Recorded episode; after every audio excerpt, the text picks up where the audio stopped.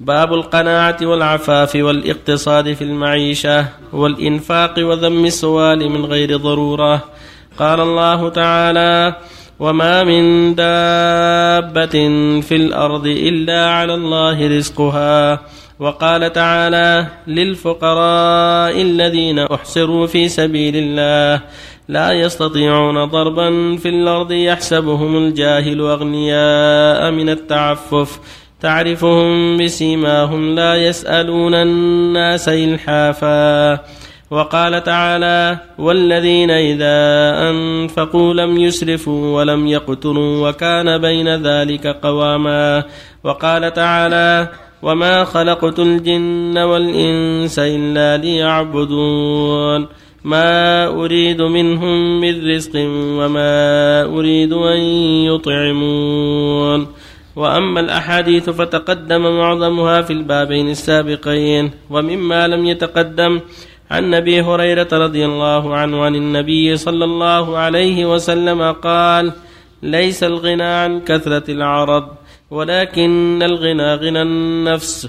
متفق عليه. وعن عبد الله بن عمرو رضي الله عنهما أن رسول الله صلى الله عليه وسلم قال قد أفلح من أسلم ورزق كفافا وقنعه الله بما آتاه. رواه مسلم. وعن حكيم بن حزام رضي الله عنه قال سألت رسول الله صلى الله عليه وسلم فأعطاني ثم سألته فأعطاني ثم سألته فأعطاني ثم قال يا حكيم إن هذا المال خضر حلو. فمن أخذه بسخاوة نفس بورك له فيه. ومن أخذه بإشراف نفس لم يبارك له فيه وكان كالذي يأكل ولا يشبع واليد العليا خير من اليد السفلى قال حكيم فقلت يا رسول الله والذي بعثك بالحق لا أرزو أحدا بعدك شيئا حتى أفارق الدنيا فكان أبو بكر رضي الله عنه يدعو حكيما ليعطيه العطاء فيأبى أن يقبل منه شيئا. ثم إن عمر رضي الله عنه دعاه ليعطيه فأبى أن يقبله. فقال يا معشر المسلمين أشهدكم على حكيم أني أعرض عليه حقه الذي قسمه الله له في هذا الفيه فيأبى أن يأخذه فلم يرزأ حكيم أحدا من الناس بعد النبي صلى الله عليه وسلم حتى توفي. متفق عليه. بسم الله الرحمن الرحيم. الحمد لله صلى الله وسلم على رسول الله وعلى آله وأصحابه ومن اهتدى بهداه أما بعد هذه الآيات الكريمات والأحاديث الثلاثة كلها يدل على أنه ينبغي المؤمن القناعة وعدم الجشع وعدم الحرص على السؤال وأنه يرضى بما قسم الله له من الكسب ولا يتكلف. يقول جل وعلا وما من دابة في الأرض إلا على الله رزقها. ويقول سبحانه وكأي من دابة لا تحمل رزقها الله يرزقها وإياكم. ويقول جل وعلا فابتغوا عند الله الرزق واعبدوه.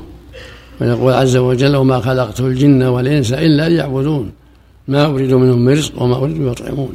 إن الله هو الرزاق ذو القوة المتين. المؤمن يطلب الرزق من عند الله يفعل الأسباب نجارة حدادة خرازة تجارة زراعة غير ذلك. يطلب الرزق بالأسباب المباحة. حتى يستغني عما في أيدي الناس. ويحرص على القناعة وعدم التكلف وعدم الإسراف وعدم التبذير حتى ينفعه القليل. يقول صلى الله عليه وسلم ليس الغنى عن كثرة العرب ولكن الغنى غنى النفس. كم من إنسان عنده الأموال كثيرة وهو فقير القلب. فالغنى غنى النفس غنى القلب. ليس كثرة الأموال. من غنى الله قلبه هو الغني. فينبغي المؤمن أن يكون قنوعا غني القلب. لا ينظر إلى ما في أيدي الناس. بل يتسبب ويطلب الرزق من عند الله ويرضى بالقليل ويقنع حتى يفرج الله الأمور.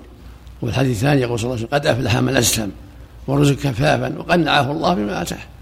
في اللفظ الآخر طوبى لمن أسلم ورزق كفافا وقنعه الله بما آتاه. كثير من الناس لا يقنع إلا أن يسأل الناس وإلا أن يجمع الأموال بغير حلها. هذا غلط كبير. بل الواجب أن يقنع بالميسور ويتحرى الحلال وكسب الطيب حتى ترتاح نفسه حتى يطمئن. وحديث الثالث أن حكيم بن حزام رضي الله عنه سأل النبي فأعطاه ثم سأل فأعطاه ثم سأل فأعطاه. ثم قال يا حكيم إن هذا المال حلو خضر. فمن أخذه بسخاوة نفس بورك له فيه ومن أخذه بإشراف نفس لم يبارك له فيه وكان كالذي يأكل ولا يشبع واليد العليا خير من اليد السفلى اليد العليا المعطية واليد السفلى الآخرة.